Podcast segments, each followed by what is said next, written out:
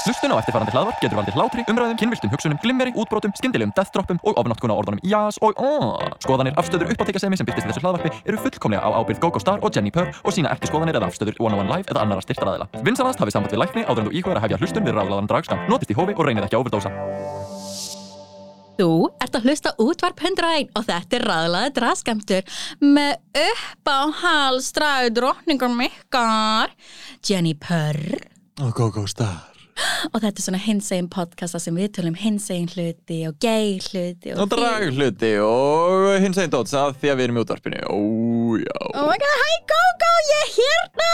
Hæ, gaman að segja. I'm here and I'm queer í Reykjavík. Ég, þú ert búin að fá þér svo marga kaffibólla uh, og það heyrist, gaman að því. Honey, honey, Pablo did me good Ég, Fyrir ykkur sem að uh, sjá okkur ekki, sem að eru væntalega allir að uh, hún Jenny er hérna með glænýtt hár uh, fengið af einhverju braslíski stelpið eða eitthvað og bara lítur rosalega vel út Thank you, thank you. Það er svona þegar maður er í bænum. En Gogo, þannig að við erum satt ekki ein hérna í stúdíónu. Ó nei, við, og mér svo fyndið allt þegar við fáum gesti og þetta er svona, ó, ó já, suss, að meðan við erum að kynna okkur, svo kynnum við þig inn Já, já, já, já, já, já, og setur þetta á þeir í smástund Já. En við ætlum bara að dundra okkur beinustu leið e, yfir í eitt stykki viðtalsmoment var að gera jingulið. auðvitað Oh my god, ok, ok, ok, ok. Viðtalsmoment, viðtalsmoment, viðtalsmoment, yeah. Við tökum viðtal og það er moment, yeah. Vá, En- þetta er engin smá gestur. Uh, Gesturinn okkar er einn af OG dragkongum Dragsús og bara dragsinnar á Íslandi. Hann er teiknimyndafígúra í mannsformi Lip-sync assassin, söngvari og dummy thick. Þetta er engin annar en Turner Straight Yay! Hello. Hi Turner. Hi Jenny. Ó, ó, Og þú líka Gogo Já, hæ, gaman að segja. Uh, Sjúklega gaman að hafa þig með okkur í stúdíóri Þessu hyggla gaman að vera loksins mættur. Yes! Þetta er búið að vera long time coming af því að við erum búin að reyna að fá þið hérna en það hefur aldrei virkað upp á mína tímasetningu. Er ég, ég bara- vil vera hérna í personu. Bara fyrir alla til að vita, uh, alla hlustundur og alla hér í stúdíun í dag, það er bara, það er rosalega erfitt að hafa gesti ef að annar hóstinn er veist, a, í öðru postnúmeri og allt öðru postnumari það verður alveg Ef að host er ekki post oh, oh, then you can't Then you can't. Then you can't ghost. Oh. then, then she will ghost. The host is in another post um, það er eitthvað til í þessu. Uh, make some t-shirts. Make some t-shirt merge John, but credit me please. Já, nákvæmlega. Svona quote, svona bandstrik Turner Straight Mm. nákvæmlega. Það var svona collaborative effort hjá okkur sem fór einhvert, mjög næs En já, mér finnst einmitt svo gaman að því Turner, þú ert einn af þessum dragkongur sem er búin að vera sem lengst að eina með dragsú og þú ert, um, Ég er ekki lengst. Hvað, þú komst 2016 Það kom 2016 en það er einn mánuður á milli mín og Janusar. Hann var eiginlega fyrstur, fyrstur. Oh my god, þið eru Sko- samt svona bræður, það ekki? Bræður, lovers. The bromance, the brofriends. Einmitt. En allan er búin að vera með okkur úst, bara frá úst, fyrsta starfsári Dragshús og bara einn af uh, fyrstu svona ábyrðandi kongum sennar. Og Mhm. bara, mér finnst svo gaman líka að uh, þegar það eru þessi performerar sem að líka bara halda sér inni og halda sér, þú veist, relevant og eru áfram að gera nýja hluti, finna sig sem performerar og búa til nýja og skemmtilega hluti eins og þú, sem er stór skemmtilegt. Og uh, mér langaði að spyrja þig uh, þar sem að við uh, spyrjum svona langflesta sem við fáum hérna dragperformera til okkar, hvernig myndir þú lýsa draginu? Þínu? Segðu okkur frá. Stúpid. Fyrst og framalega stúpid. Um, Sko, ég byrjaði eins og held ég örugla hver einasti dragkongur á jörðinni sem eitthvað svona douchebag. Það vilja allir dragkongar og ég vil ekki alhæfa ekki segja það en ég held að allir dragkongar vilji fyrst byrja á að gera grín eða þessum douchebags sem að þeir þekkja í kringum sig mm -hmm. og sem eru, þú veist, leiðinda jock típan sem að heldur að þið megi allt Ég held að sé svolítið svona first time in drag að þá er þetta, þú veist, douchebag-gaurar og druknar gælur á djaminu einhvern veginn. Hun- 100% Það- það- The two genders, basically. The two genders. Ertu douchebag eða ertu fulla gælan Við erum að cosplaya fólk á B5 Það er það sem við erum að gera. Það er nákvæmlega það sem við gerum og ef ekki B5 þá er það nýja hérna dæmið á bankastrætinu sem Já. er að selja 100.000 króna vínflöskunar Já, já, það er uh, hérna, ekki maskóbrun okkar en það sem við erum að emulata hérna. Já, já, nákvæmlega. Sem En- eru, já, þetta er svona ákveðið kommentari á heteronormativ hlutina og einmitt þetta kynja tvíhyggjuna Algjörlega, algjörlega. Og ég ætlaði fyrst að vera sem sagt, þessi típa en samt einhvern veginn ekki að því að mér langaði svona aðeins að setja smá twist á hann mér langaði að vera þessi douchebag en samt að vera alveg þú veist alveg bara svona wow, no homo. Og svo þú veist stelpunar með. Þú veist alveg svona ykt meira ykt en ég hefði kannski séð áður. Og það eru örgulega, again allir aðrir búin að gera það líka. En svo einhvern veginn hefur hann þróast út frá því. Og ég man alveg fyrstu þrjú, fjögur til dæmis dragsúsjóin sem ég var með í sem að voru basically fyrstu sjóin sem að ég var með í um, að þá var hann alveg megadús Já, var ekki fyrsta atriðið þetta hérna túlbeltið þar sem þú varst með hann svona Handy. Handyman. Hand- Handyman hérna atriðið. Ætlaði ég sem sagt, að vera með á í dragkeppninni 2015 þegar GóGó vann. Ah, þannig að það konsept og þess, þessi gaur basically var búin að vera í haustum á mér í dágóðan tíma en ég bara tristi mér ekki að vera með að því að ég man ekki hvað það var við umsóknina sem að fældi mig frá hvort það var myndataka eða eitthvað. Mm. og það er bara svona, ó, ok, það þarf að vera í myndatöku. Fuck, ég er ekki búin að gera það, ok, það er alveg tveir dagar í keppnina, nei, nei, nei, ég get ekki verið þannig að ég bakkaði út af því og ég sé ennþá eftir því til dagsins í dag, þó að það hefði verið úr karakter fyrir mig í dag eða þú veist, fyrir Turner í dag að þá held ég að það hefði samt verið fyndið að, svona, þú ég helst að það verið fyndið. Það hefði satt verið mjög iconic að Go-Go Turner hefði þá bæði tikið þátt í dragkjörnunni Já, það er klálega verið það hefði, einmitt þess vegna sé ég ennþá eftir því að hafa ekki bara, þú veist, went for it En þó, mein- ég vissi ekkit hvað ég var að gera. Ég meina Turner hefur alveg verið svona, you know, verið hér og þar með Go-Go og Jenny svo Það er svona We've done iconic things. We've done iconic things. Já, já, já, já. Við, ég- erum, við erum með sifjaspellið alveg upp á Ég meina þú veist, þetta er Ísland. Og hvað þá dragsinnan á Íslandi? Það er það sem ég sagði, við erum með sifjaspellið upp á full Já, nákvæmlega, tense. En mér finnst einmitt sko með drægi þú veist, þegar fólk nefnir við mig bara æna, nefndu æðislega dragkonga, það er bara eitthvað, já það er Janus Star og svo Turner Straight bara nafni eitt og sér er iconic að mínu mati.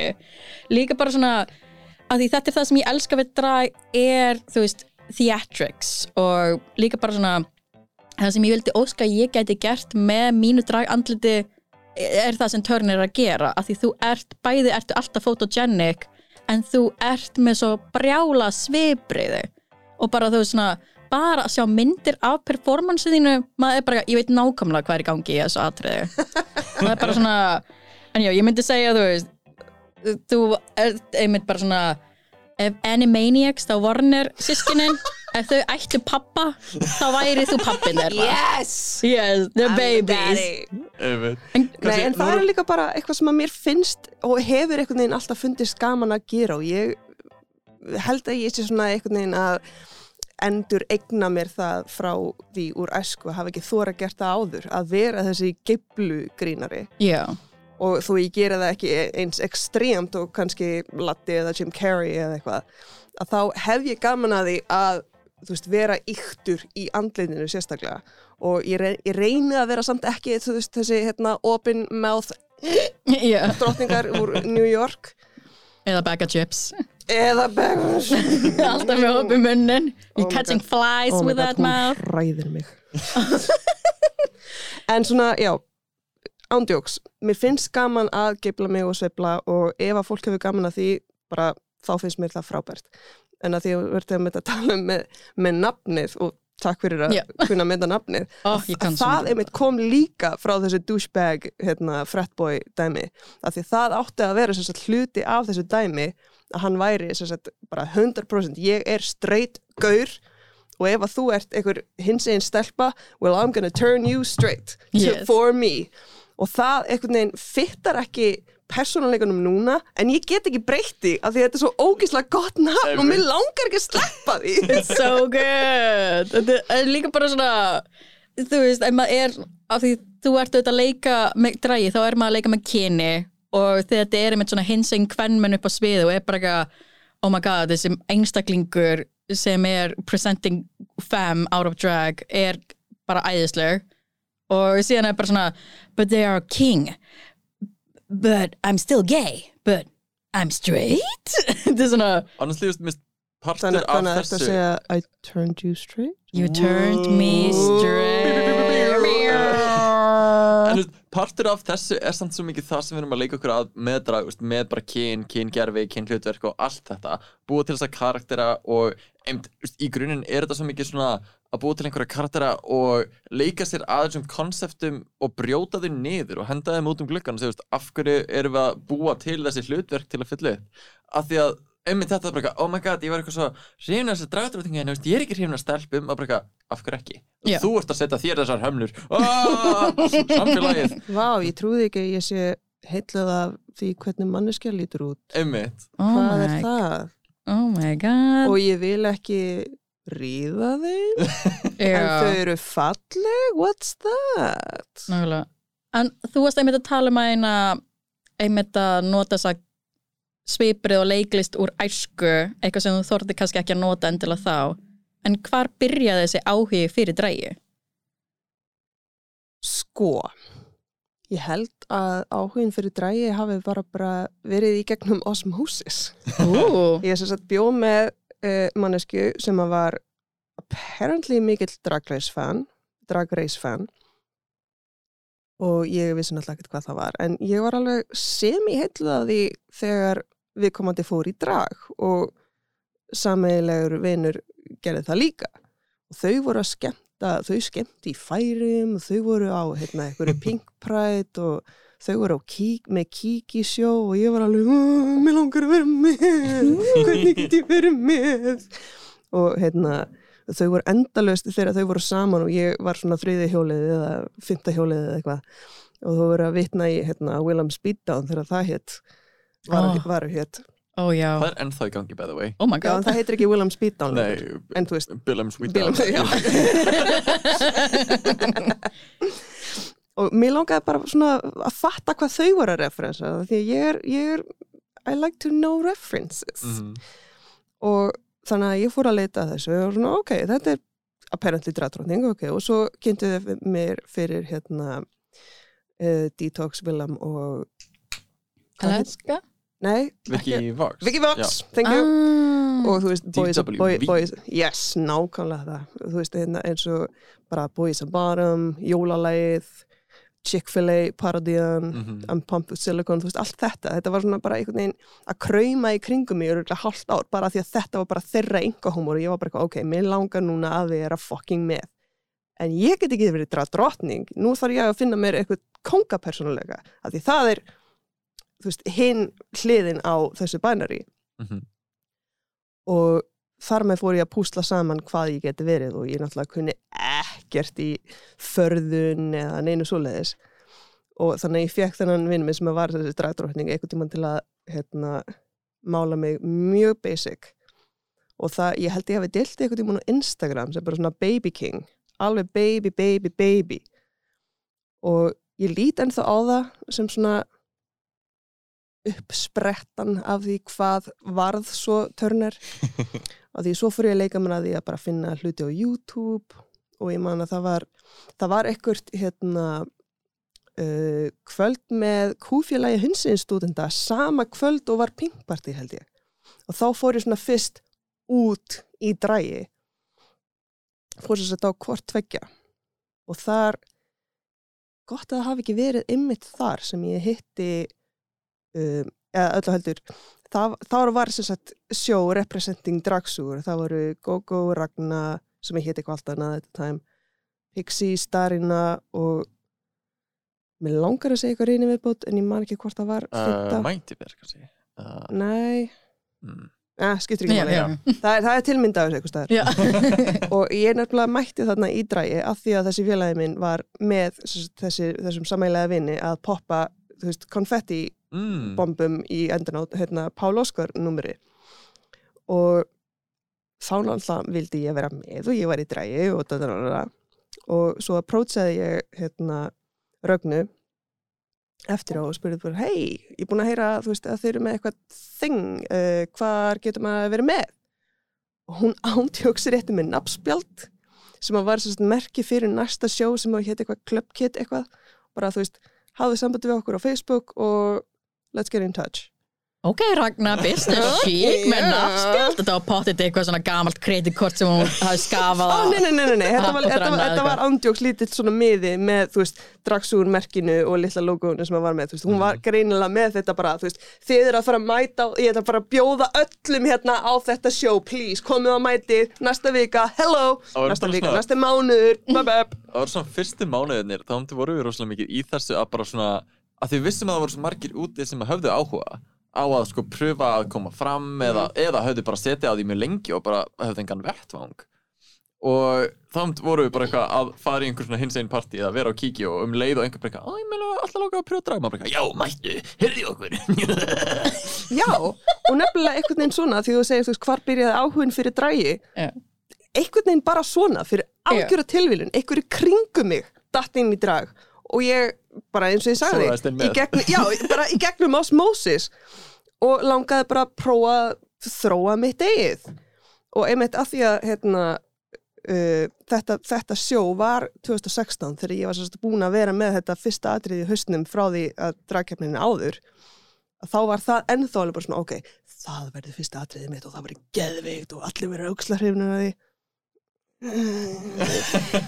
smá kring moment núna en þú veist hei, fyrsta Meina- er samt svona smá nostalgík. Ég myndi segja að performa í fyrsta skipti bara að koma sér á framfæri er örugglega the scariest uh, bara the scary part. Og það er líka erfiðasti parturinn. 100%, 100% og líka, maður sér svo mikið uh, um leið og performerar einu sinni og það eru svo margir, veist, ég held að við öll hérna uh, upplifa þetta bara, já, fyrsta númer, ú, það á að vera fullkomið það á að vera þessi hugssjón sem ég hef og þessi hugmynd og þetta mix og þetta á að ganga svona og vera svona stórfenglegt. Og svo bara, þú veist, gengur það ekki. Það bara gerist eitthvað annað á kvöldinu. Og maður upplifa það svona, ó, en vá hvað það var gaman. Og vá hvað, þú veist, Mm. ja, fyrir allan alla hér. Uh, að það Já. var þetta svo mögnuð upplifun sem þú síðan úst, getur byggt á og úst, sérstaklega sjá úst, myndir að upptökur og bara, að ég hefði kannski gert þetta öðruvísi og ef þú ert síðan með vettvangin til að gera þetta aftur aftur að þá nærðu að polísja og finna þig sem dragperformer Jep. og að því þú veist það ekkert fyrir þú gerir það Það er líka eitthvað sem ég hefði verið til í að vita þegar ég byrjaði að performa, þú veist, þegar ég stegi hana fyrsta skipti, var að, að því maður var bara, ég ætla bara að gera eitt atrið og þetta var ógeðslega skeri og ég ætla bara að gera eitt atrið og svo er þetta bara búið, svo er þetta bara búið. Svo er maður baksviðs bara, ég vil fara aftur. Þannig að, þú veist, sjó, sjóið er hálna og ég bara, get ég ekki sendt inn annað atriði? Þannig að, DJ, play my number five. Og svo bara, þú veist, Turn me out Þetta er svona bara um leið og þú ert búin að stíga á svið og skeri parturinn búin, þú ert búin að plana allt og lalala og síðan ertu bara upp á sviðið, þú ert að njóta þeir svo er maður bara ég vil meira, ég vil meira. Bara, Já, kannski, þú veist, erum við alveg, hvað finnst þér, Tónir? Sko, ég man bara þetta kvöld, ég þekkti engan nema aðstöðakonuna mína sem að var, sem sagt, gælan sem ég var að perrast á í sviði og þú veist, hún, hún, hún vissi að það alveg að því, þú veist, hún, þetta- var ekki einu svona, kon, konti út úr salnum gestur, þetta var, hún var fyrst inn á svið, svo kom ég, þú veist, það var pointið, við áttum að sjá, þú veist, ok, þetta er your object of affection og svo er þessi ógisli handyman að fara að gera eitthvað við hana, sem að er konsept sem ég bara fatta ekki í dag, en ok. En allavega, já, sem sagt, basically já, nákvæmlega einmitt þetta. Og ég, eins og segi, ég þekkti engan en ég var samt einhvern veginn eftir á eins og þú segir, alveg til ég að gera þetta aftur. Mhm og svo fyrir að komu sjó fyrir næsta mánuð, þá var ég alveg bara hei, uh, mér langar að gera aftur Aftur, aftur, aftur, aftur, yey og þá líka, veist, maður lærir svo, einmitt, svo mikið á því að gera þetta og fær miljón hugmyndir bara út frá því veist, að mæta á sig og sjá hvað hinn eru að gera og svona byrja að tóka og tegja sig í alls konar áttir. En við erum búin að minnast á núna nokkur atriði sem þú hefur gert. Uh, hvað svona stendur upp úr af þeim atriðum sem að þú hefur tekið í gegnum tíðina? Ég get ekki ekki minnst á Friend Like Me Yes. Friend Like Me er atriði sem að ég mér líður ekki vel með að gera í dag af því að ég er ekki með I don't have the body for it. My shirt don't fit no more. En mér finnst það svo skemmtilegt af því að þetta er svo ógeðslega fucking stupid það byrjar á okkur mixi þú veist, úr hérna Róa Hattarmyndinni frá, þú veist, 70 og súrkál sem á, þú veist, pointið með byrjuninni á því atriði er að ég er að fara að vera með í einhverju mega sjói fyrir teiknimyndir eða Disney eða whatever. Mm. og svo byrjar þetta bara Robin Hood, Little John, walking through the forest blah, blah, og það er pointið. Og svo var ég búin að mixa inn, þú veist, eitthvað svona boo, you stink, og búin að, ok, ok. En hvað með þetta? Sama lag nema bara í blístri. Og það var bara svona, ok, fuck it. Here's friend like me og svo í rauninni gerist ekkert innan gæsalapa Eh, Jú, víst. Já, það er svona að segja innan já, já. ég, ég er ekki dansari þú veist, ég viðkynni það alveg 100% af því að ég veit að Gogo eins og með hérna legs atriði hennar. uh, að það, ákveðin hluti af því er að gera grín á white people dancing? Þa, það er ég. Það er ég, ég get ekki dansað. Ég get, ég get sveiplað og giblað og hreift hendunar en ef ég þarf að gera eitthvað koreografir eða þá er ég bara not, we're not dancers, we're movers. Uh, True. 100% það, það er ég. Ég hef að horta á upptökur á mér og ég er bara eitthvað, nennuru please að allavega færa þig á sviðinu þó þú sért að sveifla höndunum. Come on! En mér finnst það samt, sko, partur, uh, partur af því sem þú gerir rosalega vel, finnst mér, er að negla sérst lipsingið og ekki bara eitthvað að passa að, þú veist, varurnar passa við, heldur þú veist bara líka minn, andlitið, þú ert að móta svo mikið og gera svo mikið meira úr læginu það eru sveiflunar og geflunar meini ég veit. Og, þú veist, og það skila sér svo vel þannig að þú veist, þú ert ekki- þurfa að vera í uh, einhverjum svona in, inflatable uh, hérna, uh, svona cow, cowboys person uh, Já, en að svona fyrir utan bíla þvóttastöð já, svona wack inflatable tube man. Já, já, ég meina ég gæti það og það, það myndi fitta en, það var gott atriði. Þannig að takk fyrir hugmyndina. Yes. En veist, síðan eru um fleiri atriði sem hefur gert.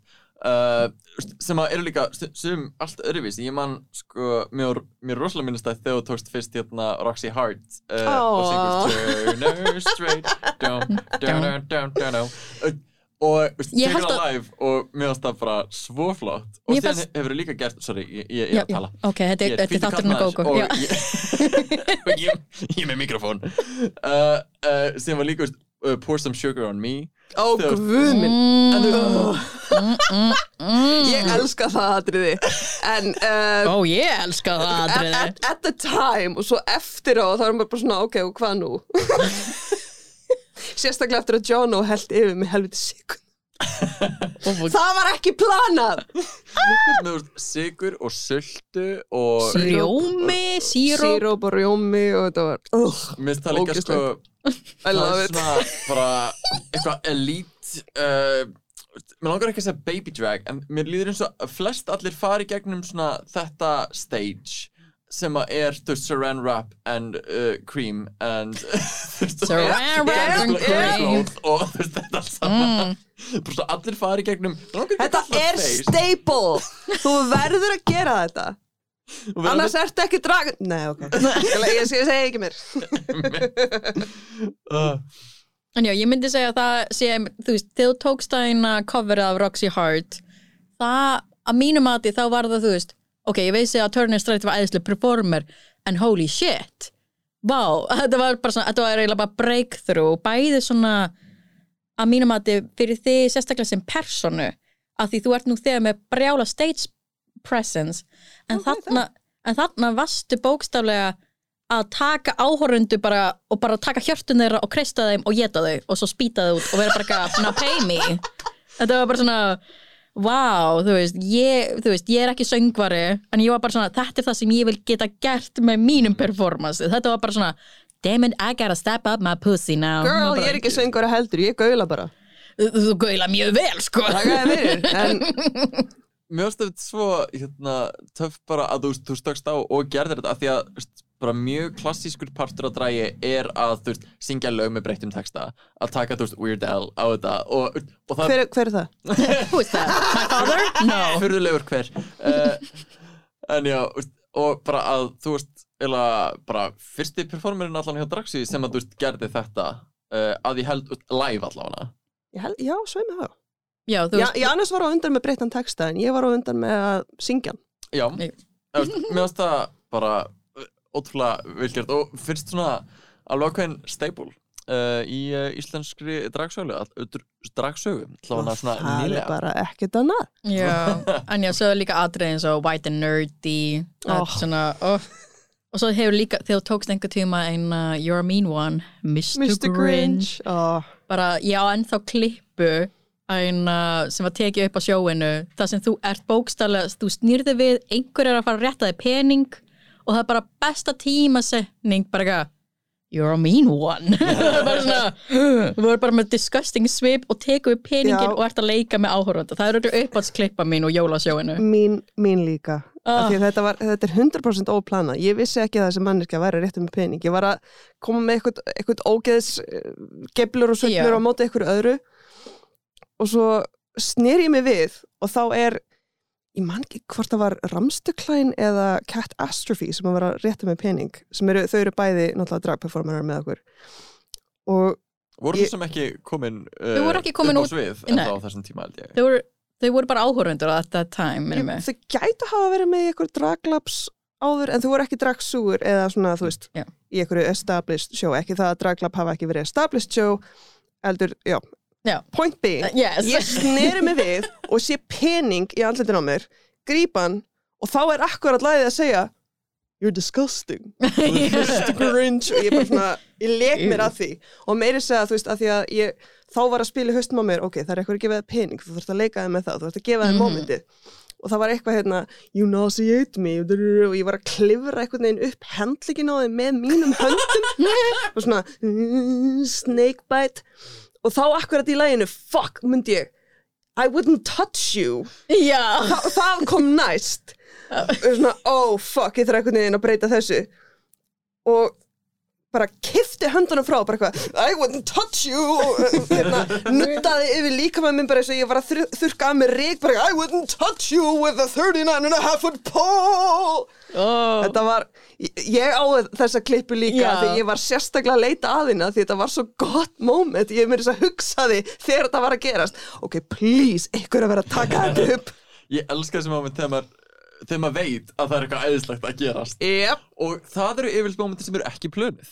Og það er nákvæmlega þá það, þau eru lang skemmtilegust af því þau eru svo spontaneous. Þú ert búin að ákveða eitthvað ákveð þú veist, ok, hérna ætla ég að vera þarna eða hérna ætla ég að vera að gera þetta move eða bla bla bla, hvað sem það er koreografirað eða þú veist, ákveðið on the spot. Og svo gerist eitthvað frá kannski áhorfenda eða eitthvað whatever. Og þá allt í nú oh my god, ég get leikið mér að þessu. Please, uh, hvað er myndavélin? Uh, leðið mér að eiga þetta fyrir minningabankan Somebody record this.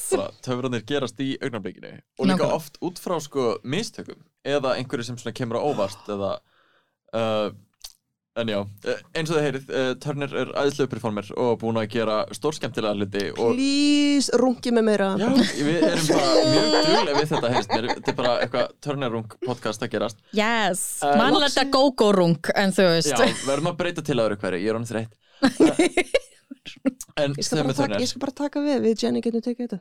Don't worry about it. I'm Skulum cancelled. gefa það frí, þú ert alltaf að gera eitthvað allt annað. Don't worry Yeah, about it. Nákvæmlega, úr busy að vera full time Ég þarf, ég þarf meira aðtikli sko. komdu sér Já. En segðu mig Turner, uh, þú ætla búin að bara eins og við erum búin að tala um þetta, veist, þróast og pröfa alls konar mismundi hluti. En bara svona í dag, hvað er uppáhaldsparturinn þinn við drag? Og það er náttúrulega ekki að vera bara eitthvað eitt hlutur, en hvað er svona það sem þú er mest gaman af? Það sem að hefur all- alltaf heilla mig við þetta er ef ég get skemmt fólki. Mm, Já, til dæmis ef að mér finnst að atriði hafi floppað og hvort sem ég sé það á upptökum eða þú veist eftir á eða in the moment að það hafi ekki fungirað þá er svona oh, hefði ekki átt að gera þetta, hefði ge- gera þetta öðruvísi. Af því að fólki var ekki að skemmta sér. Þá finnst mér það hafa feilað ég segi feilað en þú veist, ég er á sviði, þau eru ekki á sviði whatever, ég. I have the upper hand. Nákvæmlega, En það er líka bara áhörfundu geta verið svo mismunandi, þú getur verið með silent áhörfundu sem koma upp að þér eftir sjóu og það er bara, þetta var geggja ég bara, já en okkur varstu frowny face á fremsta back, já. þetta er svona, what? S- sum eru fegin að láta það vita, láta vita af því. En það er einhvern veginn það sem ég hef alltaf bara verið all about þú veist, ég vil að fólk hafi gaman af því sem ég geri Mhm. og ef að það þýðir að ég þurfa að gera með að fýbli upp á sviði og gefla og sveifla og kunningi dansa og brjóta gólf og þetta veist, sem að hefur ekki komið fyrir What? Yep.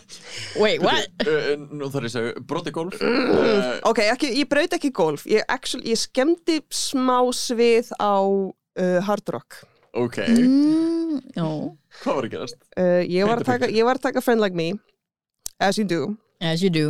Og að því að ég náði ekki að klára söguna síðast að það sem að gerist, það sem ég talaði um einlega gæslapa, að því ég kann ekki að dansa og kann ekki að það sem að gerist er að ég gerir smá reveal og svo alveg í blá endan þá skýti ég upp glimmibombu en það sem að gerðist þetta kvöld var að af einhverjum asnalegum fáranlegum ástæðum held ég að ég hefði snúið glimmibombunni öfugt.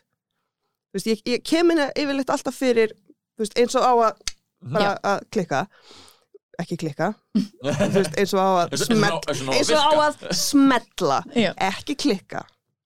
En þessi klikkaði vegna þess að ég hugsaði, ó fokk, hún snýr öfugt in the moment, þannig ég snýr henni við beint henni upp eins og ég gerði yfirleitt smelti og hún dundraðist beint í gólfið og klofið á mér í leðinni og það actually það var einhver svona einhver spýta eða eitthvað á sviðinu sem að kengdist. Og ég hef ekki þórað að taka þetta til síðan oh no Sjá fyrir mig bara svona glimmerbombaði eitthvað svona í klófið og Ég ándjókst glimmerbombaði mig í klófið og ég held að allir í áhorfundarsalunum hafi séð það og tekið smá panic moment áður en ég held bara eitthvað eins og ekkert var að gerast. Það er satt eitthvað svo cartoony við það bara oh, þú ætlar að obviously að springja glimmer yfir okkur. Ég er svo bara beint í pungin og það er þú skjótist aftur á bak. Uh, og Já. Það vantaði eiginlega bara. Það, það var það einu sem að vantaði. Svo ég vil líka dottið við að gera þetta. Þetta er bara Þetta atriði er cursed eins mikið og það er mitt uppáld Það er svona ekki þess að gera það ekki ennþá. En það er bara veist, að eigna sér mistökin og þessi uh, augnabliks uh, töfra Ég meni þetta er fyndin saga. Já, Algjörlega. Þú oh my veist, god Þannig að ég, ég er ekki með ágjörð því þannig sé Ég. Bara vona sviðið sé að læn Við erum búin að byggja nýtt við held ég. Nah, don't worry about it.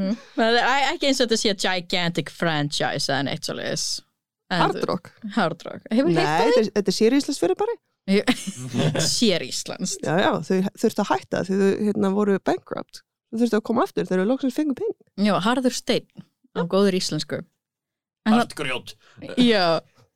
En þannig að því við vorum með að tala um nýju kynnslóðuna Æna, sem er með dæna, oh my god, við þurfum að tala um hæna sjói sem er á föstu daginn En talandi um Nei, nýju við tölum ekki um sjóðu sem voru á fyrstu daginn Ég var að hlusta á þáttinninga bölvanir Við tölum ekki um næstu sjó. Við plöggum ekki neitt hérna. Ekki En- lengur er- Ég, Nei, en þannig að því vorum að tala um nýju kynnslóðuna og, og hvað við erum úr gamla skólanum. Ertu með einhvers konar ráð fyrir þau sem vilja byrja í drægi og sérstaklega þau sem eru svona baby kings uh, Farðu á YouTube Og leitið að uh, make-up ráðum Hvort sem það er frá professionals eða amatörum Bara svona til að fá hugmyndina að því hvað þið geti verið að gera. Bara svona upp á að geta fundið ykkur, þú veist, ok, þarf ég að kontúra nákvæmlega þess að þessi manneskja eða á ég að nota mitt eigðandlit og á ég sérstakann farða fyrir þetta, að því að þú veist, ég til dæmis, að því þið voru að tala um make-up stifti fyrir einhverjum síðan. Mm -hmm.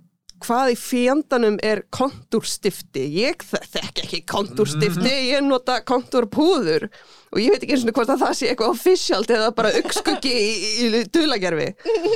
Þannig að, þú veist, verandi ekki förðum frægur, ég kann ekki raskat. Ég veit ekkert hvað ég er að gera. Hva, og ég er búin að vera að þessu í fimm ár. Do it! Minnst það líka alveg koma inn á veist, Bæði með make-upið þú veist, Engin veit hvað hann er að gera til að byrja með. Ó, engin. Og þú veist, eins og þú veist að tala um hérna, að bara, eitthvað, að, þú veist, hérna með dragkeppnina sem dæmi.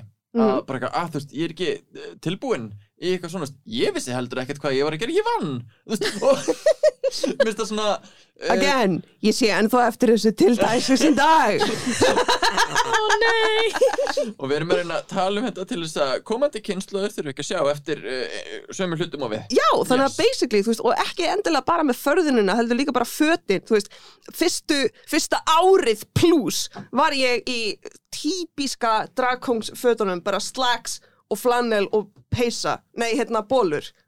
So what? Mhm. Þú getur eignað það, við vorum einu sinni á sama sjói, fjóri dragkongar í nákvæmlega sömu fötunum. að Óviljandi, Óvi- Óviljandi, nota fucking benni, og við vorum að gera sikkot hlutin, eng, það skipti engu máli. Var ekki meira svo tjóna í stíl við ykkur? Ég held sveimi þá að Jonah hafi verið í stíl við okkur en það er líka bara að því að hann átti svona 40 flannela fyrir eina viku þannig að hann mátti það.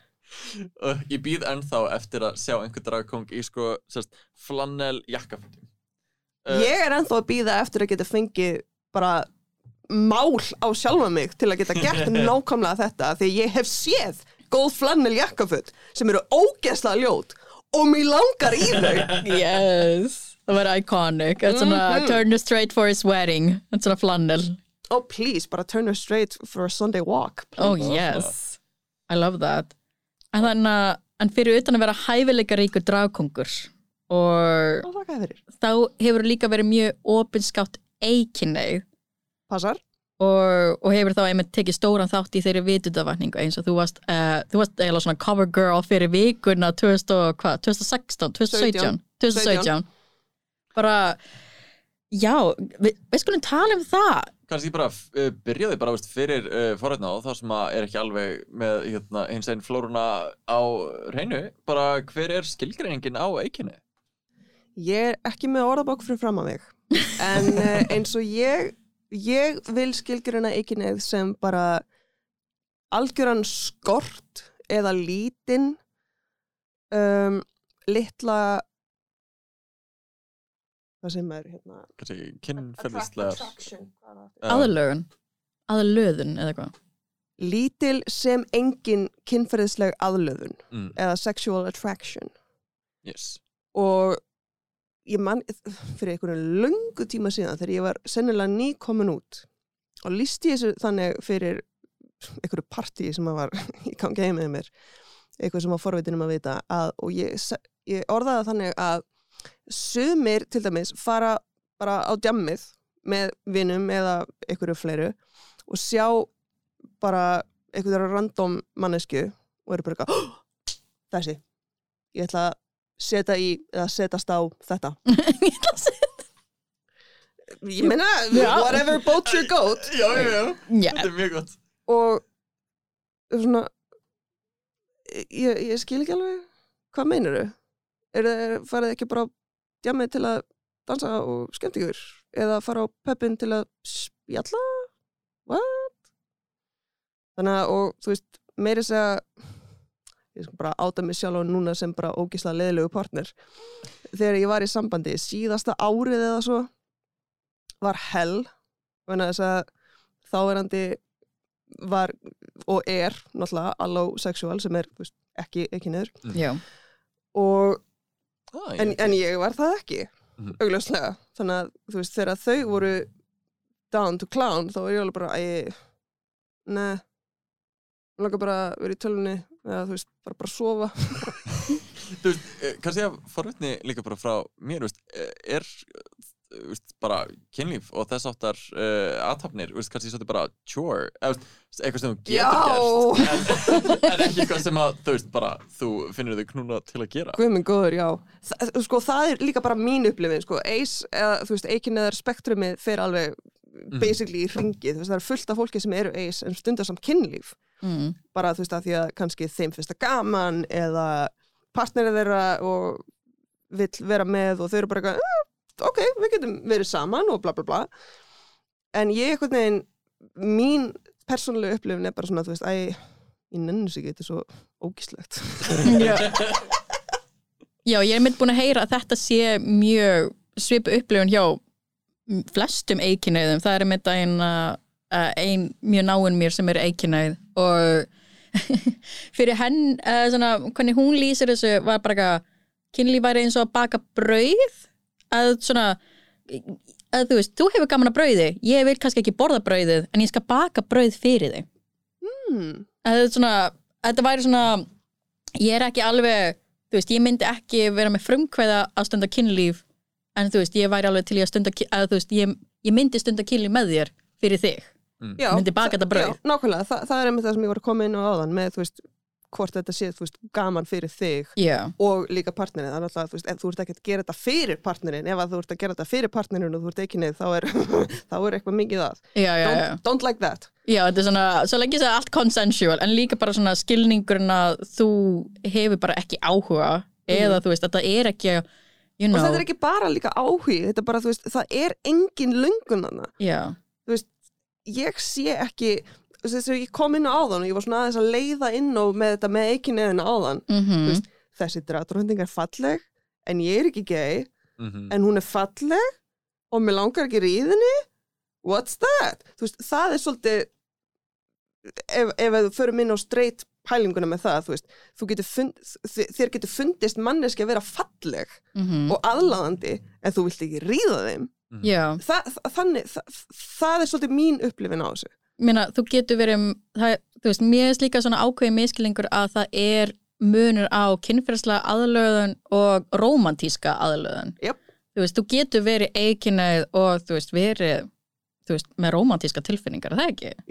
100% ég er, með, ég er svolítið ennþá að finna mig í romantísku hliðinni en Aren't we all? Oh, aren't we all? En ég, hérna, að því að ég vil meina að ég sé, ég heillast að basically fólki sem að mér finnst aðlaðandi, hvort sem það er kallkins, kvenkins, korkins, kynsegin, whatever. Mm Þannig að ég hef sett svona að ég sé biromantic, asexual.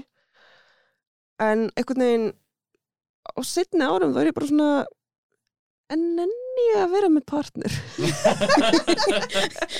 Ég full, Ég hef fullu fangi með að hugsa um sjálfa mig maður.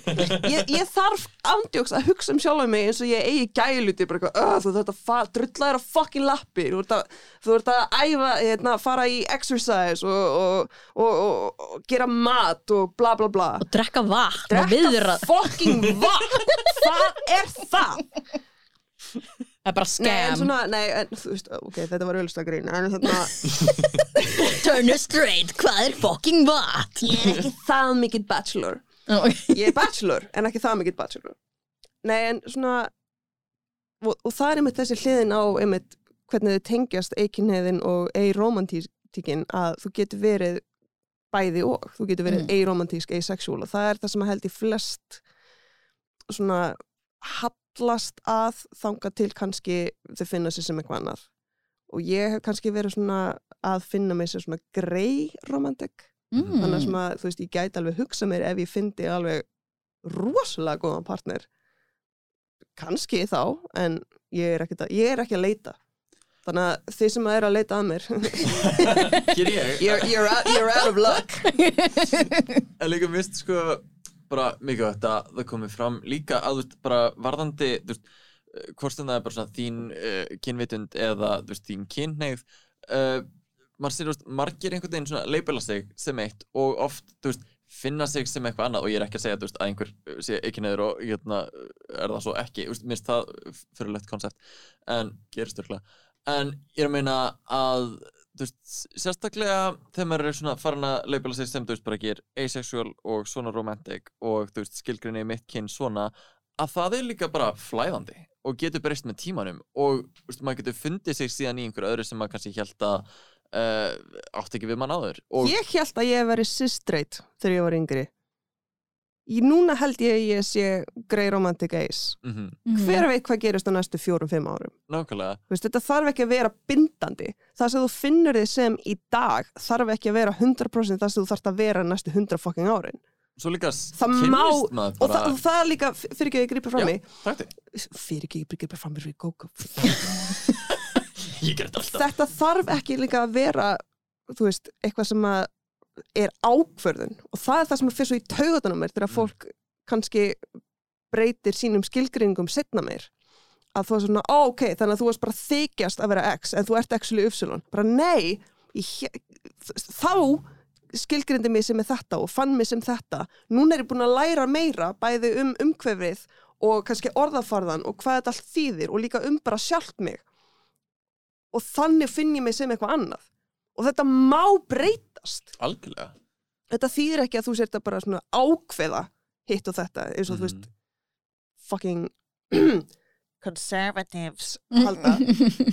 nei, það er ekki málið. En þetta er bara svipa úst, og um, við upplifum sem tvíkinægt, uh, panginægt fólk að veist, það er rosalóft og svo endar eða endar í hérna, monogamus sambandi að það er bara eitthvað, að ok, þannig að þú varst gay allan tíman Já, nenni, nenni að ákveða ykkur, ert þú gay að þú ert í, þú veist, samkynja sambandi Mhm. eða ekki, nennir þú plís að segja þú veist, og það er bara eitthvað flæðandi sem þróast og maður getur skil, skilgjönd sig hvernig sem, að, hvernig sem maður vill. Og það er einhvern veginn bara eitthvað út á við. Og bara þannig séð, mér finnst það svo óþart og þetta er bara svona samfélagslegu struktúr. Já. ég veit líka að það er búið að svona semi-kanslera Nicki Minaj en það er eitt sem að hún hefur sagt sem að ég hef alltaf sagt bæði um sjálfan mig, sjálfan mig og bara allt í, í sambandi við þetta sem við erum að tala um. Þú ert ekki að fara að segja mig hver ég er. Ég Mm. ætla að segja þér hver ég er. Mhm. þú ákveður ekki hver ég er. Já. það er mitt að segja og það er mitt að finna. Nákvæmlega. Þú stimplar mig ekki. Bla bla bla, Það að- djúft Já, það var mynd að Nicki Minaj eh, fyrir þá sem veit að kannski samengja að eina Nicki Minaj kom út sem tvíkinnið fyrir einhverjum árum og núna í dag skilgrúnin sér sem gagkinnið og það var einmitt svona ákveðið uh, skandall í hins veginn samfélagin bara, ó, það er ekki bara bara þessum sem hún er þenn já, þetta er svona, á, er þetta svona bi erasure og eitthvað. Lady Gaga gerði nákvæmlega samanlega Já, nákvæmlega, þetta er svona, ég, þú veist, en ég er þetta líka þetta flæði sem við erum að tala um? Einmitt. Mm, Nákvæmlega. þú veist, meina, ég sjálf átti alveg mjög látt spjall með unnusta þínum, go-go um, þú veist, um asexuality Já, nákvæmlega, hvernig dyrfist þið? Þú veist, við vorum að tala um einmitt eikinneið og, og það kom upp einn umræða demisexual. Og, og ég var með bara eitthvað já, þú veist, ég tengi alveg lúmst við demisexual að því, þú veist, ég þú veist, ég hef alveg stund af one night stand en það hefur alltaf verið, þú veist, aðlið sem ég er búin að þekkja x lengi eða búin að mynda einhvers konar tengingu við og kannski svo við einu sinni og kannski bara virkaði það ekki eða eitthvað. En, En- það hefur aldrei verið einhver blá ókunnugur sem ég bara spotta hinum meginn á barnum bara ekki, ég ætla að ríða þessu.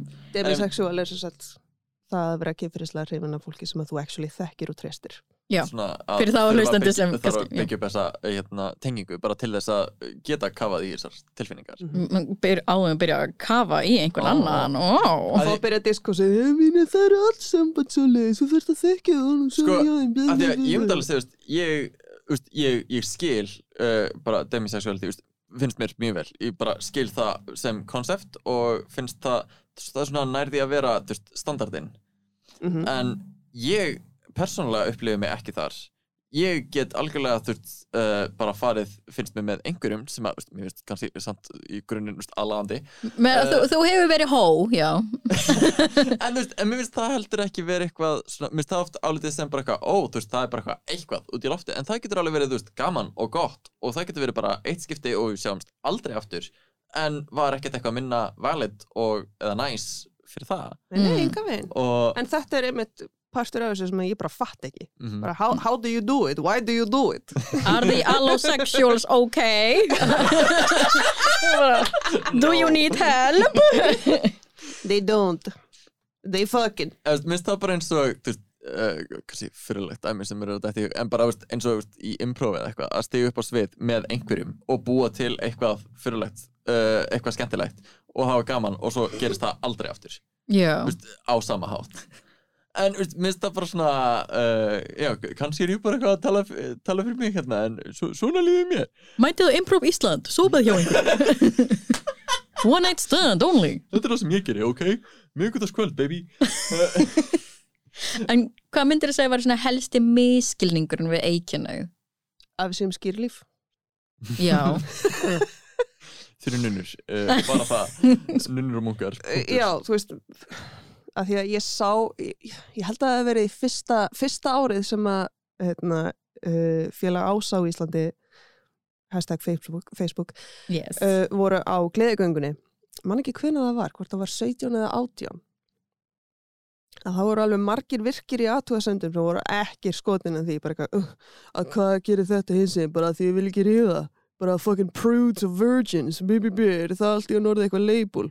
Bara segi bara að það vil ekki nei, það er ekki málið. Já, Vi, vi, þetta, þetta er ekki spurningum að þú veist, við séum eitthvað skýrlífshópur sem að gerir aldrei neitt. Nei, nei, nei, þú veist, það eru BDSM neyðir sem eru ekki neyðir. Ég, Einmitt. I've seen them.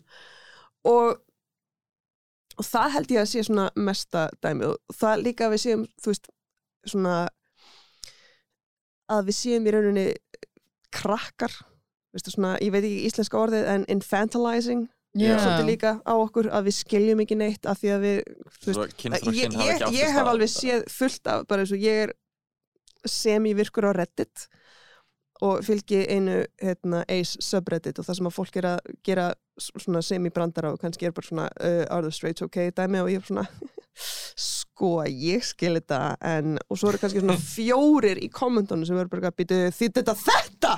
Ég vissi það ekki! What? Og það er einhvern veginn finnst mér svona að vera líka mismin, miskilingur á þessu að, að því að við séum ekki nefn að þá séum við bara svona barnaleg. Mm, við séum ekki nóg fullorðins. Já. og einmitt líka sérstaklega með eins og hérna, hvernig uh, síshet samfélagið lítur sérstaklega á bara hins einn flóruna að hins einn flóran er svo kyngerð að meira þess að innan hins einn samfélagsins að því að hún, það er svo kyngerð bæði af sís og líka hins einn fólki no shame af hins einn fólkinu en þú veist, hættið að hugsa um okkur sem, sem eitthvað rassalva uh, að út, um út, svona. út af því að þá séum við út ekki nógu hins einn að því að við stundum ekki kynlífið Mm. Eða whatever. Bara svona svipa, svipu rök fólk hefur gagvart, þú veist, transfólki og BDSM fólki. Að- algjörlega, En, algjörlega. en þið er ekki að snerta kynfæri sem er eins og ykkar. Svo, svo þið er ekki hinsegin. Já, já, ég hef alveg upplifað sjálf mig sem þú veist, ég er ekki nógu hins einn af því að A eða B eða X. Mhm. já, sem veist, er það, það koma svona moment þar sem ég hugsa, þú veist, er ég actually hins einn af því mér finnst þessi manneska falleg og væri til í að kúra með henni. En einmitt, nú, Turner, þú ert að hugsa um að kúra með þeim. Hvað, hvað Þú ert ekki að hugsa um að sofa hjá þeim Þú ert ekki að hugsa um að vera í sambandi með þeim. Þú veist Æ, þetta er in, internalized queerphobia queerphobia já, Já. einmitt, og intrusive thoughts þetta er, algjörlega ég held að við bara, göngum öllu gegnum þetta á einhverju tímabili. Ó já, og líka bara, þetta er oft ákveðin rödd sem bara svona heldur áfram og maður þarf að bara þakka í öðru já, hverju. bara shush, shush, shush. Ég er að hugsa núna. Go away. Svona, Takk fyrir þetta input, uh, tökum til greina en uh, hér á öðru máli. En á þessum nótum þá er líka frótin að því að dragheimurinn kannski sérstaklega er mjög svona finnst mér nátengdur uh, hookup menningu. Uh, svona að allt eigi að vera sexy á einhvern tátt mm. og þú veist, í gru, bara oft þegar við erum að byrja þá erum við einhverja svona að stæla að stæla uh, fólk sem að, og bara svona karaktera sem að eru, þú veist, á djáminu að leita sér að ríða. Uh, og uh, já, ég er bara fórhundin svona hvað þitt teik er á og svona hvernig þér líður sem, þú veist, ekki neður mannsku innan dragsendunas mér er bara slétt sama you do you, I do me and we won't do each other. Yes. Now, that, put that on a t-shirt. Nei, ekki setja þetta t-shirt, ég stæði þetta for Markiplier. Ok, mm. ó ég Nei, elskar en, samband. en svona, þú veist ándjóks, mér er eiginlega bara alveg sama, þú veist, bara eins og um, ég tók þátt í Apocalyptic uh, fyrir hálfumánuði síðan þegar þetta er tekið upp og mér fannst ég vera svolítið út úr af því að það voru einhvern veginn öll með eitthvað svona raunchy eða edgy eða dimmt og svona gritti dæmi sem að þú veist er hérna, kjarnin af Apocalyptic basically. Það er alveg nokkrir á einmitt svona, hérna, svona pour some sugar on me staðnum veist, og þannig að ég seti standardin og frábært, já, þú ert vandamálið. Fuck. Nei, en svona, já, en, og einhvern veginn mér fannst ég, svo ég er ekki að segja mér fær, hafi ekki fundist ég vera velkomin þvert á móti, þetta er fólk sem ég þekki og, og tala við reglulega. En horfandi á til dæmis upptökunar svona, bara svona, ok, svona stendur út alveg bing, eins og sólbrent nef. En á sama skapi þá skiptir það mikið mikil máli veist, þetta er mitt drag, þið Mhm. gerir það sem þið viljið. Og mér finnst þeim svo fyndi að því að ég var að gera smá heimavinn um daginn og hlusta á þætti hjá ykkur í röð. Ú, og ég man að þið voru að tala um að ykkur finnst svo típist að það gera öll þetta, þú veist, sa kemur saklaus inn en er svo actually sultry sexy slutty. Ég ger þetta öfugt. Ég kem inn sultry sexy but I'm actually stupid and, I, and innocent. Yeah. og þú veist, það er svona mín, mitt take á þessu og ég vil þú veist, ég, ég vil ekki leipila mig sem einhver svona komískur kongur, ég er bara stúpid. Þú veist, mér finnst lög sem ég gerir skemmtileg og kannski eru þau stundum of löng kannski ger ég ekki nóg mikið við þau til að lipsinga við þau. Og en mér er eiginlega bara slétt sama. En þetta er líka, þú veist, það er svo mikið kjarning drag, þú ert ekki að gera drag fyrir annað fólk. Þú veist, þetta er þín, uh, þitt artistik, uh, svona, bara gjörningur. Og, Já, nokkulega. Þú veist, ég myndi aldrei tróða fucking bóa upp í raskatu á mér, en Defstar gerði það og good for her. Yeah. Og veist, for her good for her. Ég myndi aldrei, þú veist, strippa á sviði og alveg nakin, Ramstaklæn gerði það, good Mhm. for them. mm Og þú veist, það að ég sé eikinhefur, það á, finnst mér ekki að skipta henni máli. Ég meina flott að ég gæti verið kannski representation ef að fólk veit af því að ég sé eikinhefur og er bara að fýblast og kannski stundum ger ég sex jokes eins og ég gerði hérna Orgy for One með Ninja Sex Party á Spotify. Og hérna og var að runga mér inn að gesalappa fyrir aftan sviðið, þú veist, ég gerir svoleiðis bull bara að því að ég er að gera grína því hvað ég er stúpid. -hmm. að því að mér finnst þetta kjánalegt og það er svolítið kannski actually kannski er það það sem að eikinniði kemur inn í þetta ég er að gera grínað ykkur fyrir að vera svona sexual Orðu þessi fíbla að vera eitthvað sexy. sjáu hvað eru aðsnalega þegar það ykkur Þau eru svo obsessed með kynlíf wow. implying að ég runga mér ekki Já. Talandi um að runga sér, hérna, ég held að við Ó, ættum að, rungi mig meira. Nei. ég held að, við ættum að henda, ég þekki Drag Race Rík. Eigum við að gera öll saman? Oh my god, eigum við? Ok. ég ætlaði bara að lýpsinga sko en, Nei, ok, alls Ok, verður með, saman. verður með, Ok. ok. Ætlum að taka eitt. Drag Race Recap! Brum, brum, brum, brum, brum. Yay! Gertum við. En já, það er uh, 14. seri að Drag Race er uh, barasta búinn Vi, Við heldum að þetta myndi thank god Við heldum að þetta myndi aldrei taka enda en hingað erum við komin Það er komin Sigurveri sem, uh, spoiler alert, er Willow Pill Oh, you will pale. It's Oh. not a big winner. It's a little winner. Willow, Willow, Willow Pill Ok, Turner, hvað hva er þín skoðun á seríu 14? sko Stort er spurt Stórstu spurt. Ég er satt best að segja svo brendur á Drag Race að ég hef ekki verið að horfa á þessa seríu. Ég bara meika það ekki.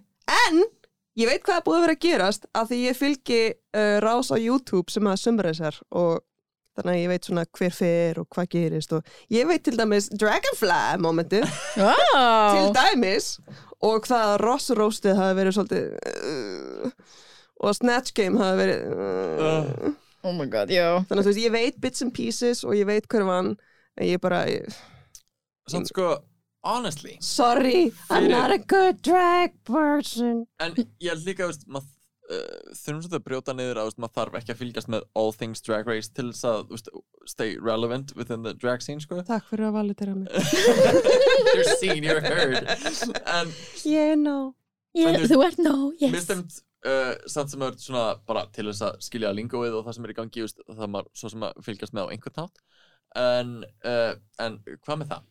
Mér finnst samt sem að seria 14 hafa verið bara þrusu fín svona yfir heldina litið að því litið til að það svona svolítið return to earlier seasons varðandi margt Mm. finnst skemmtileg challenges overall finnst það æðislegt cast og það bara oflöng og það er ekki þeim að kenna heldur það er þú veist RuPaul og production að kenna að bara eitthvað senda engan heim. Og maður sá líka bara út í endan hvað sem er þessi Georges í hérna róstinu þá var þetta orðið bara eitthvað Uh, ég vil fara heim. Þetta er bara eitthvað, ég er búin að vera í bot, þú veist, bara, ég er búin að vera í botninum og ég er búin að standa með ógstlega viljusum lipsingum en enginn fer heim. Og, og, ég er, er eiginlega samanlega með þetta sem svona burnout gaur þá hefði ég öruglega pottitt hort á þessa seríu stat hefði öruglega pottitt hort á þessa seríu bara regularly. Ef hún hefði verið stittri og ef hún hefði verið ekki eins bara að ég veit það ekki, hún var, hún var, hún var góð. Ég er 100% samanlega með það, þú veist, góð challenge og allt það, það sem ég veit af því Mm. ekki, ekki read, don't at me. Ég veit hvað gerðist. En ég hefði örgla hort meira á þetta ef ég hefði haft áhuga á því að horfa á 19.000 þætti þar sem enginn fyrir heim Mhm. Þú veist, ég, ég er brendur eftir seríu 13 Þú veist, ég, ég horfði ekki á setni hluta af seríu 13 að því ég var bara svona, ok fuck this Mm. Sko, ég upplýði þess að, þú veist, seríu 14 er held ég einu þætti lengri en ég upplýði seríu 13 sem, sko, bara að því mér fannst það ekki eins áhugavert cast, mér fannst það ekki eins Mm. áhugavert ca- challenges, ég var veist, mér finnst ég þurfa að pína mig svolítið í gegnum hana. Á meðan seríu 14 fannst mér alveg svona uh, flæða betur. Og mér líður eins og þau sé alveg svona potast í rétta átt uh, varandi bara ímislegt Þannig að það hjálpaði líka hvað það voru það endist lengur skemmtilegasta mennasken í Confessionals. Mm og Við erum að tala um Bosco, eða ekki? Er, erum við, að tala um við erum að hana? bæði tala um Bosco og Carrie Colby. Já, Já, ah, já, Carrie the narrator Colby. Carrie the Mm. narrator Colby bara átti þessa serju Líka, minnst sko, hérna, það var sérstaklega svo sem í þættinum þar sem að hún fer heim en Jasmine Kennedy fannst mér alveg komast upp á mjög skemmtilegt Ó já, já, hund, alveg, alveg. Og ég held að sé, ég held að þau confessional hafi verið tekin upp eftir að hún er send heim. Eftir að hún er send heim og síðan þarf að taka upp confessional fyrir þú veist, þann dag sem var þú veist, uh, lip sync uh, Lollapalooza thing þá er hún alltaf bara eitthvað hún, she's free. Hún er ekki lengur, þú veist, svona tense bara eitthvað, hún er búin og bara hún kom svona langt geðveikt og þá er hún bara eitthvað að skemmta sér í Mhm. confessional sem alltaf fannst bara svo skemmtilegt. Me. Ándjók home, I'll be fun. Og bara, you know what, það er búið að henda mér út. Núna ætla ég að skemmta mér það því ég þarf ekki að selja mig lengur fyrir þess að pródúsira Já, líka bara svona, nú þarf ég ekki að hafa þessar brjáluðu væntingar að því þú veist, you know ég get ekki staðist undir þessu væntingum núna. Þannig en já, ég er einmitt svona sammála með uh, þessi seria var rosa góð, aldrei löng en þetta var samt, mér fannst líka bara uh, systra félagið í þessu. Bara svona samböndin og vináttan sem skapaðist þannig, mér fannst hún svo góð og líka bara að maður fekk að sjá, þú veist, get mikið behind the scenes eiginlega. Og honestly ég held að stór partur af því um, ég, hefði gaman uh, af bara svona the camaraderie var Daya Berry og hennar, svo, veist, hún var bara raunverulegur þú veist, uh, reality TV villain this season ég er samt ekki, þú veist, I'm not mad at her eða eitthvað, mér finnst hún, hún Nei, þetta var svo gaman. En bara, veist, hún var bara svo raunverulega í sínum tilfinningum og bara einhvern veginn setti þær alltaf á borðið bara eins og þær komu upp og var, þú veist, mjög oft bara frekar út en það var einhvern veginn, það var bara svo raunverulegt. Og, Já. bara, og, og það var svo oft að tala, þú veist, okkar rödd mm þú veist, sem áhorundur, bara eitthvað, af hverju sagði einhver ekki þetta? Og og komum það bara eitthvað, af hverju sagði enginn þetta? Og bara eitthvað, já, já, takk. you. Takk fyrir validation. Og allir henni bara eitthvað, "Uh, uh, þú vilt ekki vera að segja þetta. Að því- er Ég að að að talaði um Reddit á hann að það er einmitt eitt sem að mér fannst svolítið vera stabilt. Að, eða svona, já konstant, að það var verið að tala um Daya Berry bara eitthvað, ok, hún er að fara að missa hún er að fara að missa og svo næsta viku, ó, hún er að missa, hún er að fara að missa. Og svo næsta vika, nei, heyrðu, núna er með, hún er að fara að springa. Þú veist, þetta var alveg konstant og ég var entertained. Nákvæmlega. Mér finnst einmitt svona Já Já.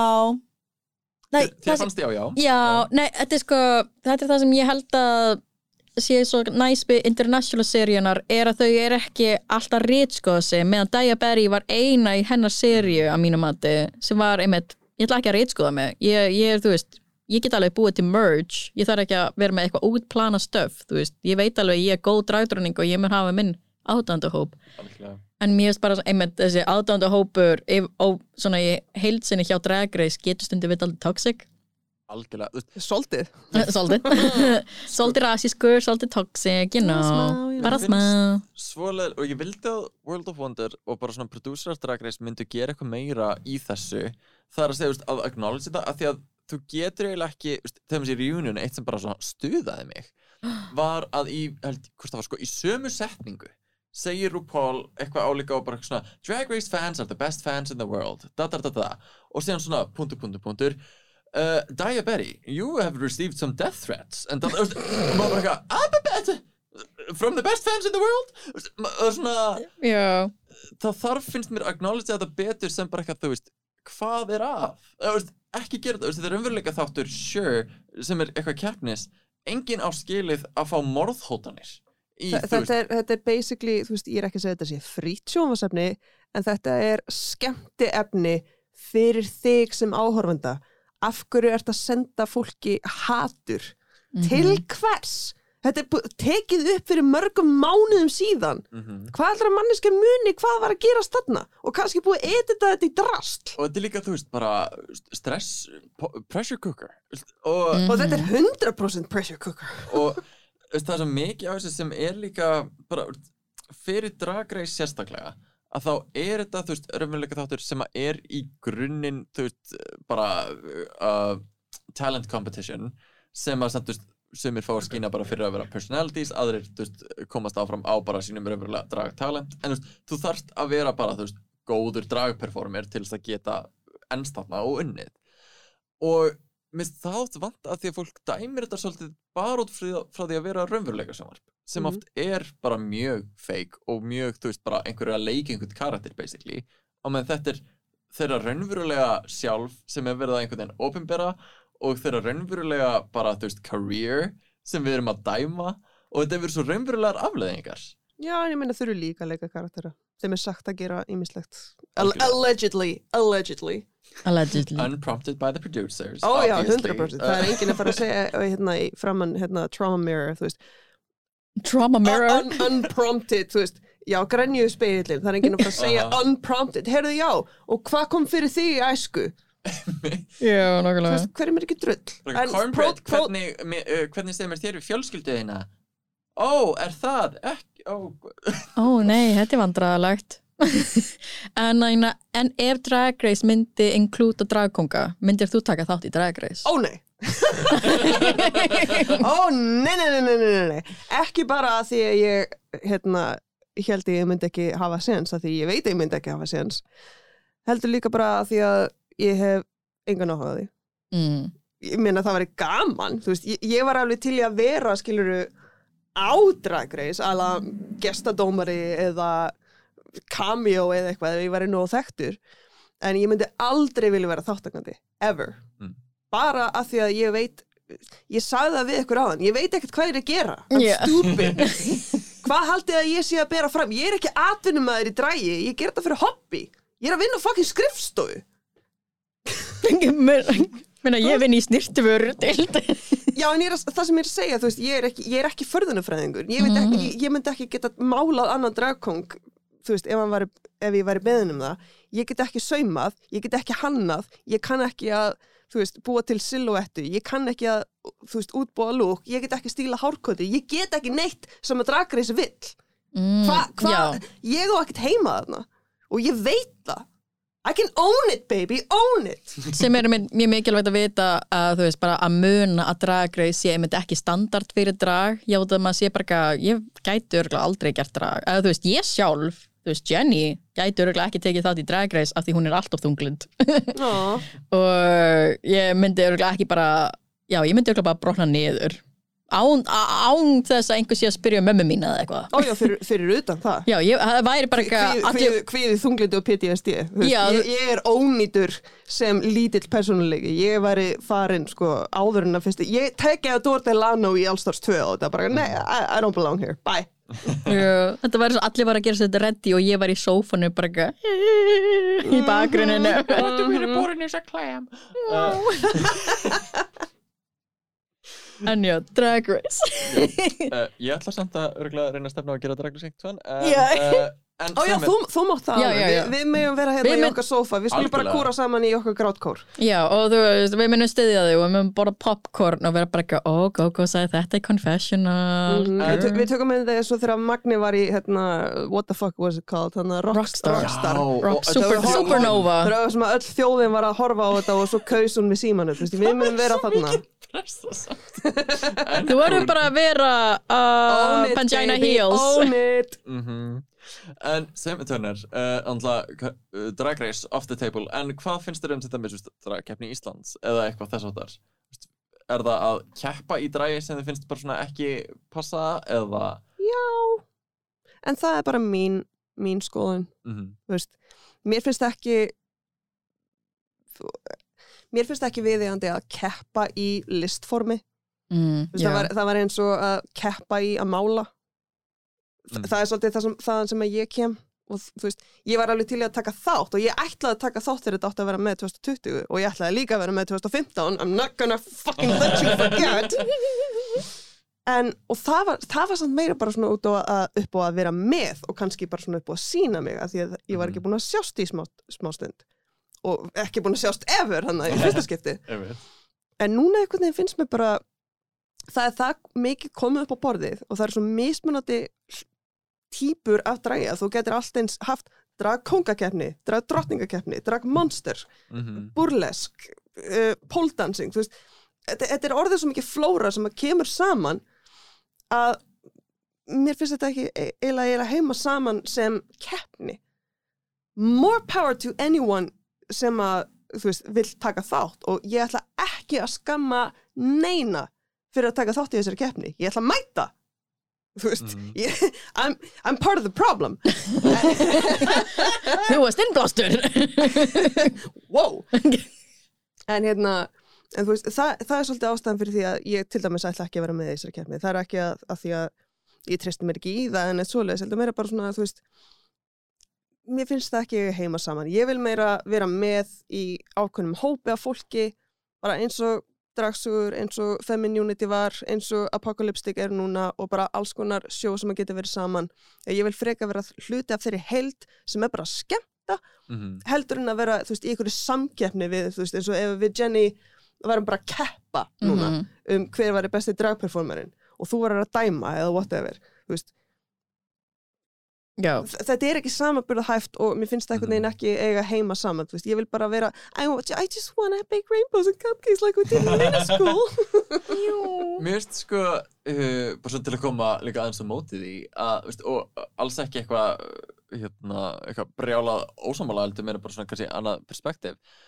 Mér finnst sko uh, það sem heitlar mig rosalega við keppnir og veist, keppnir í til dæmis drægi er að þótt að sé kannski ekki beint samanburðahæft það sem við erum að gera að því þetta er okkar persónulega list uh, sem við erum að gera á okkar persónulega hátt og getur verið svo ótrúlega ólíkt og koma frá ólíkum áttum að, að þá finnst mér þetta samt að koma þarna og vera með sko, þú veist, þú setur ákveðna standarda og mér finnst það bara eins og einhvern veginn þegar þú ert að æfa eitthvað að hafa einhver svona markmið eða gól og mér finnst það lík uh, mér finnst það bara að taka þátt í keppnum finnst mér gera mig að betri performer hraðar. Og ég ætla ekki að taka Og- það af þér. Again veist, þetta var bara mín skoð Já, og það mega öll sem er að hlusta bókstaflega 100% allra sem er að hlusta að vera ósamála mér og bara at me on Twitter. Ég held samt að Ég nota mjög margir séu sammála sko. uh, með þeim það sem Nei, en ég meina það er það sem ég er að segja þú veist, þetta er bara einn, eins og þú segir þú veist, þetta er bara einn áhörunarpunktur og bara eitt, einn álitspunktur versus annar álitspunktur og svo er eitthvað annar sem er kannski bara 100% neutral bara svona, eh, mér finnst þetta ekki alveg 100% en hvað er ég búin að segja 100% oft í þetta guð minn fucking góð Bara takk ég skot í hver skipti sem törni segi ekki 100%. gera, ekki gera það í degja Nei, en þú veist bara þetta, skip, þetta á ekki að skipta neinu máli þannig séð, Og, veist, veist, hva, hvað er finnst um þetta það skiptir mér ekki máli, nákvæmlega og það, veist, það að ég sé ekki niður og það sem þú gerir í drægi eða það sem þú gerir í þínu persónulega lífi það skiptir mig ekki máli, það hefur ekki áhrif á mig. Ég er ekki með í þessu, mér langar ekki að vera með í þessu. Who cares? Veist, í grunninn þá er þetta bara sjó. Þá er þetta skemmtun og það sem við erum að gera. Og það allan, veist, mér finnst ótrúlega heillandi að veist, einhver uh, svona endar með einhverju kórunu og einhver titil sem að þú bara hjálpar feril viðkomandi ef að viðkomandi vill. Af því að veist, við hefum séð, til dæmis ég sem drátning Íslands fannst mig gera alveg helling með titilinn á meðan aðrir hafa bara, já, frábært, aðeinslegt og einhvern veginn hætta svo í drægi eða bara hafa ekki farið í dræg síðan. Þannig að einhvern veginn allt í bóði, allt að það gerast og ég ætla að stelast að skandalast til þess að uh, uh, plugga nei dragkeppni Íslands sem verður 27. mæ Eftir Það er uppstyrningadagur fyrir ykkur trúaða fólki þannig að þið Einmitt. megið ekki mæta, sorry. Mm, ég mun láta einhvern stígu upp, It's uh, upprisan. Jesus Zombie Day Jesus og við ætlum að stíga upp og fara í Tjarnabíó á Dragkeppni Íslands og þetta verður stórglæslegt bara, mér hlakkar svo mikið til þetta, veist, uh, það eru þó nokkru keppindur og uh, miðasalur hafinn, getur fundið þetta á Facebook uh, og bara mæli Og Tix. og Tix, endala uh, tjekkið á þessu, finnið ykkur sæti farið í fyrir fett og hafið ógslag á hann Komið, komið í drægi líka. Gerðið það sem ég var að segja ykkur á þann. Bara farið á YouTube og gerðið eitthvað. Cares? veist, líka bara notið þið öll veist, ef þið hefur áhuga á drægi og langar að pröfa ykkur áfram notið þið öll tækifæri til þess að gera það? Uh, því oftar uh, því betri verðið þið hraðar. Mhm. yeah baby. Ég elska að gera hluti oft. Sorry, mér langaði að vera með. en uh, bara svona að lokum að komið smá jæja moment Og jæja Ég trúi því by the way ekki að þið stálu þessu af mér. Ég er búin að segja að það er komið jæja síðan ég var unlingur. Og núna halda allir að ég sé að stela þessu frá ykkur. Það er komið jæja get your own radio show um, Æ, jæja, er svo sem universal, fuck it. bara hvar munum við sjá Turner Strait í komandi framtíð Það er góð spurning. Uh, þið með fylgja mér á Instagram.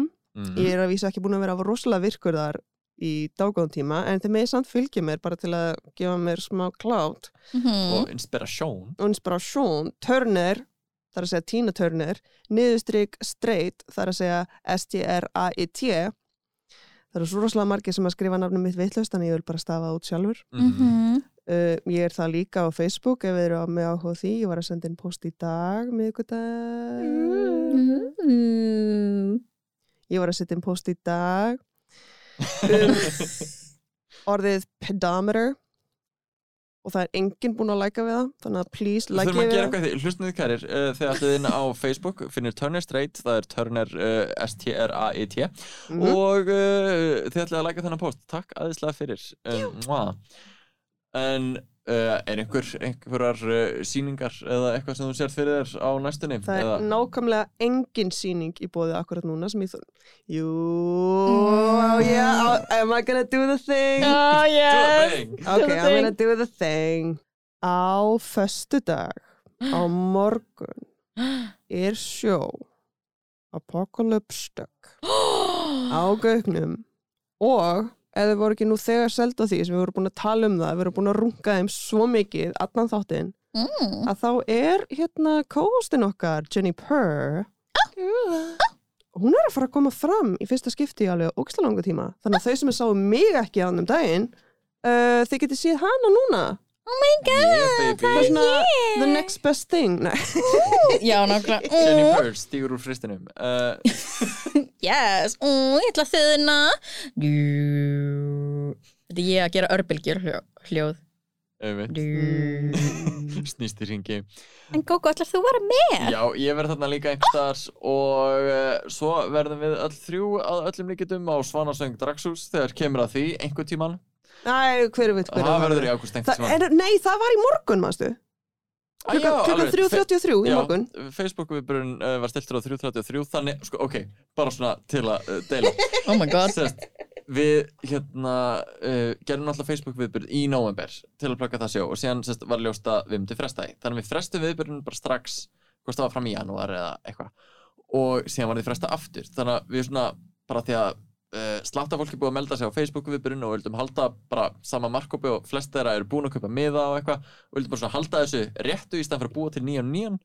Þannig að við svona erum að fresta þessu og ég veit ekki hversu margir eru búin að senda mér skilabóð senstu daga bara eitthvað, er Svanasöngu Dragsús klukkan þrjú á miðvikudaginn næsta? Maður Nei, og, og ekki bara þrjú, klukkan þrjú um morgun. Þrjú AM frá klukkan 3.33 am til 5.55 am mæti á Svanasöng Dragshús í dag. Úps, hann er búinn, sorry. Einmitt, og það var bara svona, ok, við settum þetta sem bara svona placeholder tímasetningu. En, uh, en takk fyrir að fylgjast með. Og við sjáumst einhvern tíman í ágúst uh, í þjóðleikustjallaranum vonandi kemur dagsning sem fyrst. En þið getur byrjað að sjá okkur á Apocalyptic á núna áfestæðin eða einhvern tímann seinna. okkur eins og ég sé að fara með með Þú verði í salnum? Vonandi, kannski, sjáum til Uh, ég, sagði það aldrei uh, Jú, ég mæti Don't at me Morningstar, I'm gonna be there Alright. æðislega, herru, takk æðislega fyrir að koma í uh, uh, hlaðvarpið okkar hérna Takk fyrir að hafa mig yes, bara anytime Við elskum þið törnir. Já, bara bókið mig endilega aftur I'm not busy at all. Munið með bachelor brandarann, þú veist, ég ger ekki neitt. Uh, já, reyna að finna út úr því og reyna að muna hérna, Ég skal og- vera á þriðja hjólið alveg eins og ég var með vinu minn dratratningun og vinga hans. Á þeim nótum þá held ég að við bara segjum þetta gott í dag. Uh, Takk aðeinslega fyrir okkur, þetta verið rálaði draskamtur Ég verið GóGó Star. Og ég er Jenny Purr. Og við erum með törnir straight. That's me Ok, bye Bye. Ding, Fallega randað hjá okkur. diri, di, diri, ding. Alveg óvart.